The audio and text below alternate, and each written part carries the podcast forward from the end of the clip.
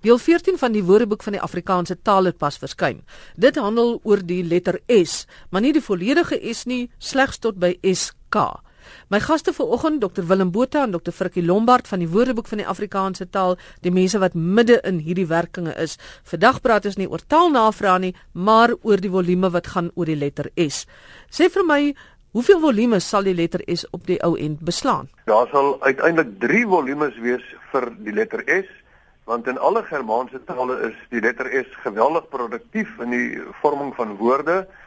Jy kan my verhoudings gaan kyk in die ander tale, Engels presies dieselfde uit 12 dele van Oxford English Dictionary uh, handel 2 oor S en ons beoog 20 dele en 14 dele is nou voltooi. Die eerste deel het in 1950 verskyn en daarna gemiddeld elke 4 jaar 'n letter van die alfabet.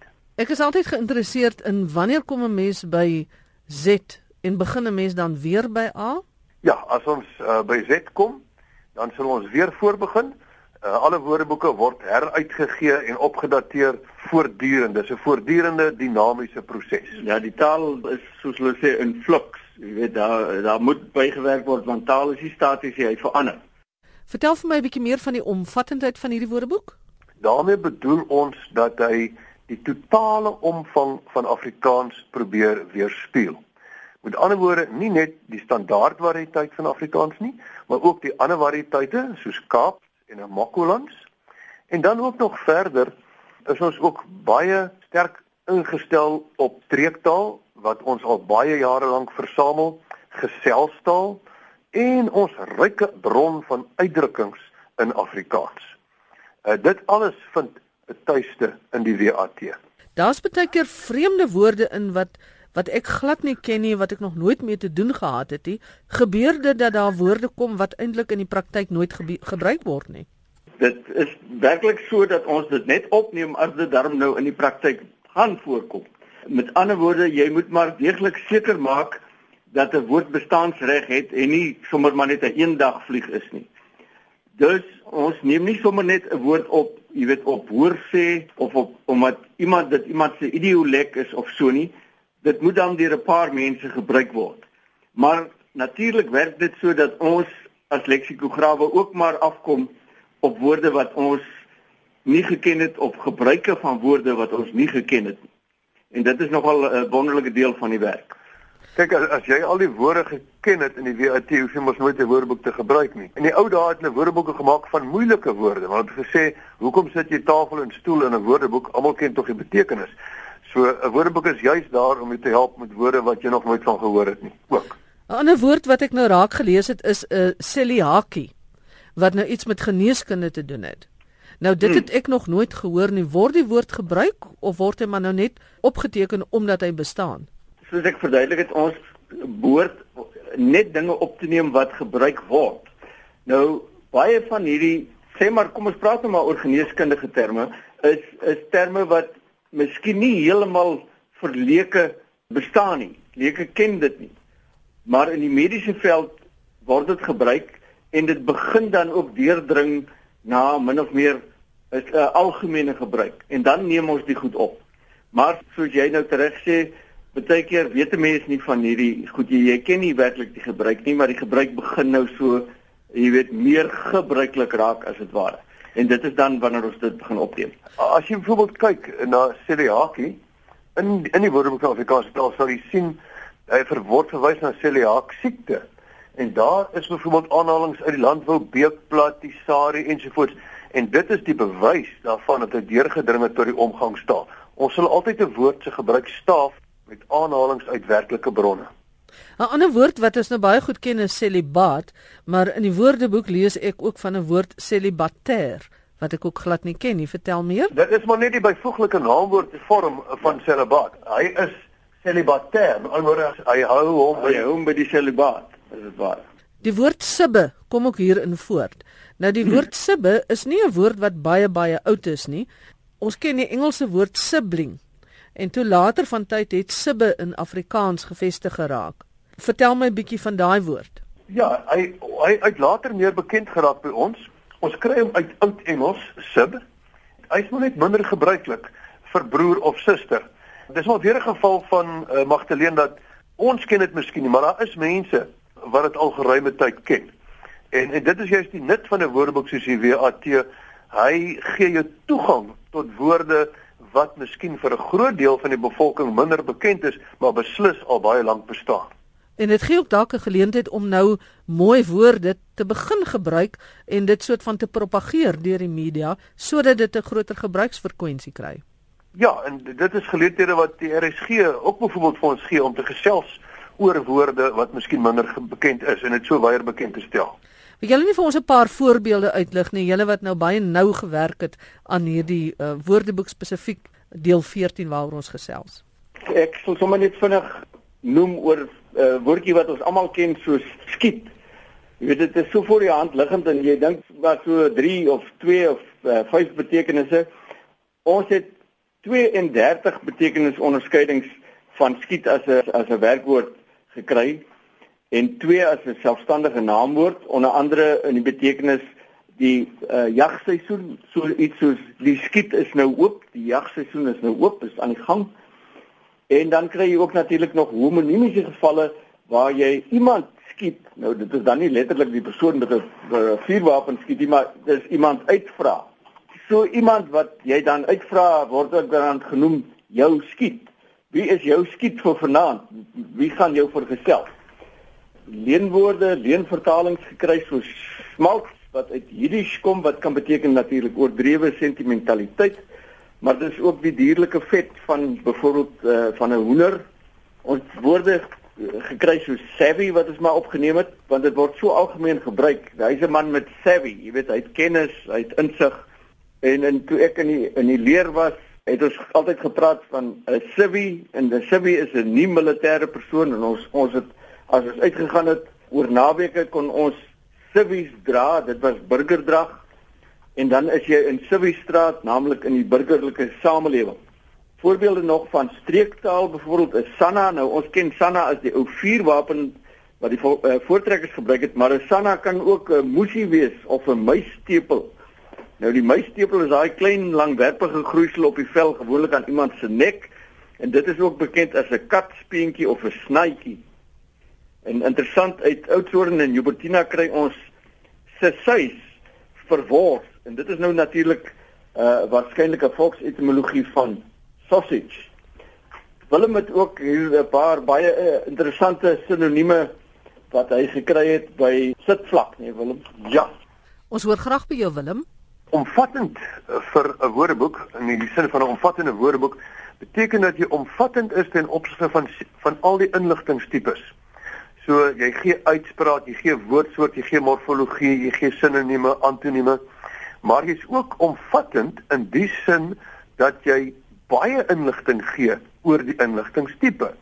Byvoorbeeld by sitvlak het ons seker 20 of 30 sinonieme en dit is 'n hele studie op sy eie. Ja, daar's natuurlik nou die lelikes. Ons weet almal daar's lelike skerp vulgêre woorde, maar daar's ook baie interessanters. Agterend, agtermiddag, dis nou vir sitvlak. Jou agterplaas, jou agterste, jou agterwêreld, jou alie, jou blaker, jou bakoond, jou fondament, jou kajuit, jou kardai, jou keus, jou ners. En dit is nou interessant. Daardie ners kry jy ook in blikners. En blik in Nederlands beteken nerf af. So as jy blikners gery is op die perd, dan is jou agterwêreld nerf af sonder om te blik of te bloot. Daai blik ja, bleek, dis weer 'n ander enetjie ja, sonder ja. bloed te wees amper. Ja. Onderend onderwêreld, posterior, sitkant, sitwange, tabernakel en so voort. Dis nou sinonieme van sitvlak. En dit is nogal altyd interessant oor hoeveel sinonieme jy kry by ons tipe woordeboek wat geselstaalforme is of selfs bietjie skurwer, skinniger en so aan. Ek het nog voorbeelde van interessante woorde, uh, sif wat in die geselstaal ook 'n vangbaar is. Die polisie het ry met 'n sif en hulle sluit ouens dan agter in die sif toe. Dit is die vangbaar. Sif kan ook beteken onaangenaam of goor. Jy sê vir wag nee, sies man, dis sommer sif daarin. Dis onaangenaam. En dan septies ken ons nou as 'n woord wat uh, wat beteken dat dit gekenmerk word deur sepsis of waarvan die higiëne bedenklik is as gevolg van vuilheid of onsindelikheid. Maar in die geselstaal beteken septies ook sleg of goor of aaklig. 'n voorbeeld uit die vaderland van 1973 alreeds vet mans lyk geen stuk oud nie, hulle lyk sommer net septies. 'n Betekenis van die woord skade wat ons almal goed ken, maar wat nie in handwoordeboeke opgeteken is nie, is waar skade net gewoon beteken koste. Jy kan byvoorbeeld vra as jy die rekening moet betaal vir 'n aandete wat jy loop uit eet het, wat is die skade? Wat kos dit my? En dit is tog interessant as dat ons dit so het. Dan was daar ook 'n paar interessante uitdrukkings, maar voor ek daarby kom, het ek tog uh, gedink ek moet nog sakslaan noem. Sakslaan beteken dat en dit uh, sal mense wat nou op plase groot geword het ken.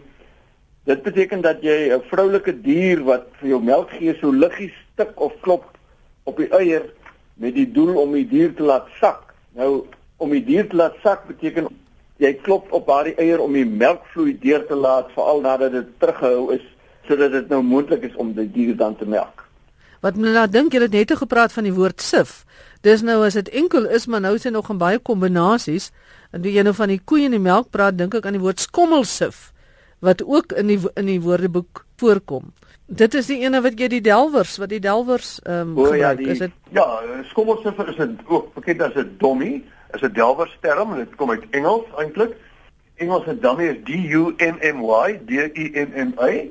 Dit is 'n soort delwersif met gate in die ou dae halfduim tot 'n duim groot uh in 'n vierkantige of 'n langwerpige houtraam op vier pote waarop jy nou die grys gooi en dan maak jy so 'n skommelbeweging met die hand en dan om te kyk dat die die fynere diamanthoudende grys bly dan agter op die sif. Afrikaans het nou nie net die standaard Afrikaans nie, daar's baie aksente en dialekte ensovoorts. Is daarvoor ook voorsiening gemaak in hierdie uitgawe onder die letter S byvoorbeeld? Ja, dit dit is juist die kenmerk van 'n omvattende woordeboek dat benewens die standaardtaal ons ook die variëteite hanteer. En so het ons 'n paar baie mooi voor, mooi voorbeelde van Kaaps. Ek haal net gou twee aan. Skarumba. Skarumba beteken niks en ons het pragtige sinne waaruit ons kon aanhaal soos ek worry my Skarumba, ek bekommer my niks nie en Skangaga. Skangaga beteken goed. Die plan klink vir my Skangaga. Dan 'n ander variëteit is Namakolans waarmee jy goed bekend is. Ons uh, het 'n paar mooi voorbeelde. Ek dink Frikkie het klaar genoem van hulle maak van siek maak hulle 'n werkwoord, die skaap siek nou.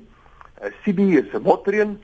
Dit kom eintlik uit die Khoza, maar jy hoor dit baie in Namakoland. En dan die eienaardige konstruksie met die voornaamwoord se wat jy sal praat van ek weet nie hoe algemeen dit nog is nie Magdalene my se ma. My se ma het my gesê ek moet 'n trui aantrek.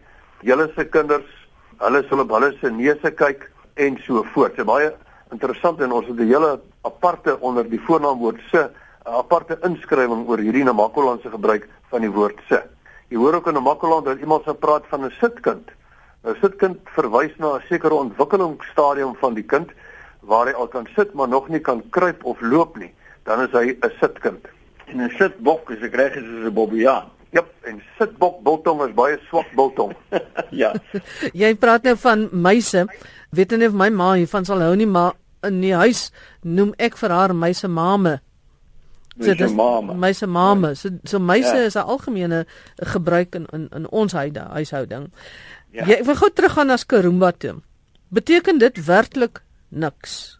Ja, volgens al ons raadgewers, medewerkers, ons het meer as 150 medewerkers by die VAT van aragnologie tot by wynkunde en ons medewerkers oor Kaaps sê dit is gevestig Skarumba beteken niks. Ken jy dit in 'n ander verband Magdalene? Nee, wat ek nou net is dit beteken hierdie niks en dat dat dit het geen betekenis nie. Of ja, is die ja, betekenis ja. ek, niks? Ek, nee, ek bekommer my skarumba soos ek aangaan. Ja. Ek bekommer my niks nie. Ja. Wat so interessant. Ja. Dis my interessant want 'n rukkie terug het ons in die middagprogram vir Imo Erms gevra, jong, wat beteken Gamska Willies?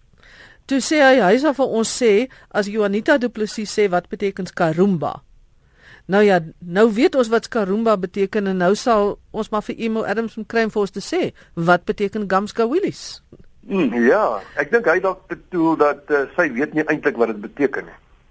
En wat beteken Gamska Willies? Jy het nog nie by dit nee, uitgekom nie. Nee, nee, maar hierdie een is maar net in geen mate of geensins of glad nie. Ja. Ah, daardie daardie daardie niks.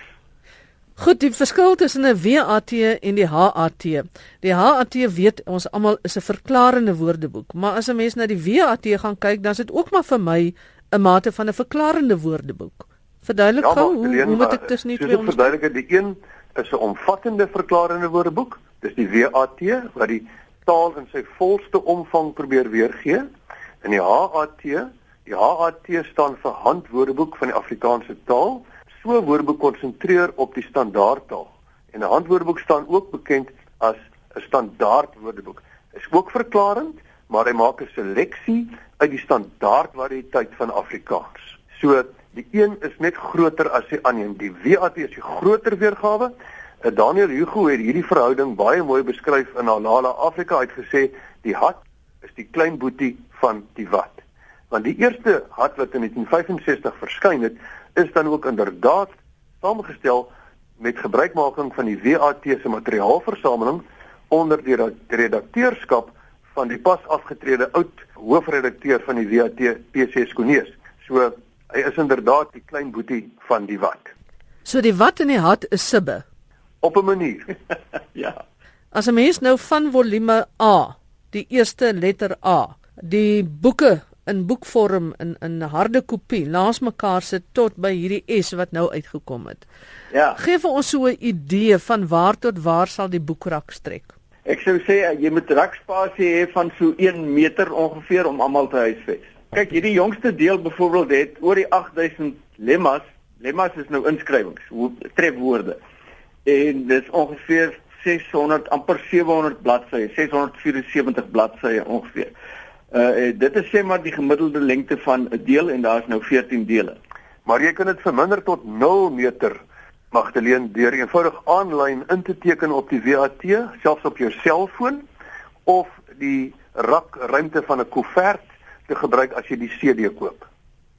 Goed en nou waar gaan hulle? Is daar enige webadres? Ja, die maklikste is om te gaan na www.wat.co.za.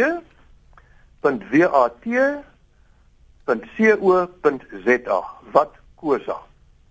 Nou die heel laaste woord waaraan jy gewerk het en waar jy nou trek, die heel laaste woord van S is skoof, skooier en skooieragtig. Al wat ek vir die luisteraars kan sê, dit is meer 'n verouderde vorm, maar ek wil die huiswerk vir die luisteraars gee. Hulle kan nou op daardie webadres gaan en miskien gaan kyk en dan gaan lees wat beteken skoof, skooier en skooieragtig. Dit sal goed wees. Gaaf, baie dankie dokter Willem Botha en dokter Frikkie Lombard van die Woordeboek van die Afrikaanse taal. Ons bietjie gesels oor S. Dit is daar waar hulle nou trek met die Woordeboek van die Afrikaanse taal. Net voor ek afsluit, ek het in die loop van die week 'n navraag gehad, 'n luisteraar wat sê, hy hoor ons gebruik die woord vakbond en vakverbond. Is dit nie verkeerd nie of is dit twee verskillende goed? 'n Vakbond is 'n enkele vakbond, soos byvoorbeeld NIM of dan NUMSA. 'n Vakverbond is 'n groep van vakbonde saam onder een sambreel. Daarom is Kusatu 'n vakverbond, want daar's 'n hele klomp vakbonde geaffilieer onder die sambreel van Kusatu. Ek hoop dit maak dit 'n bietjie meer duidelik. Dankie vir die saamluister. Groete tot 'n volgende keer.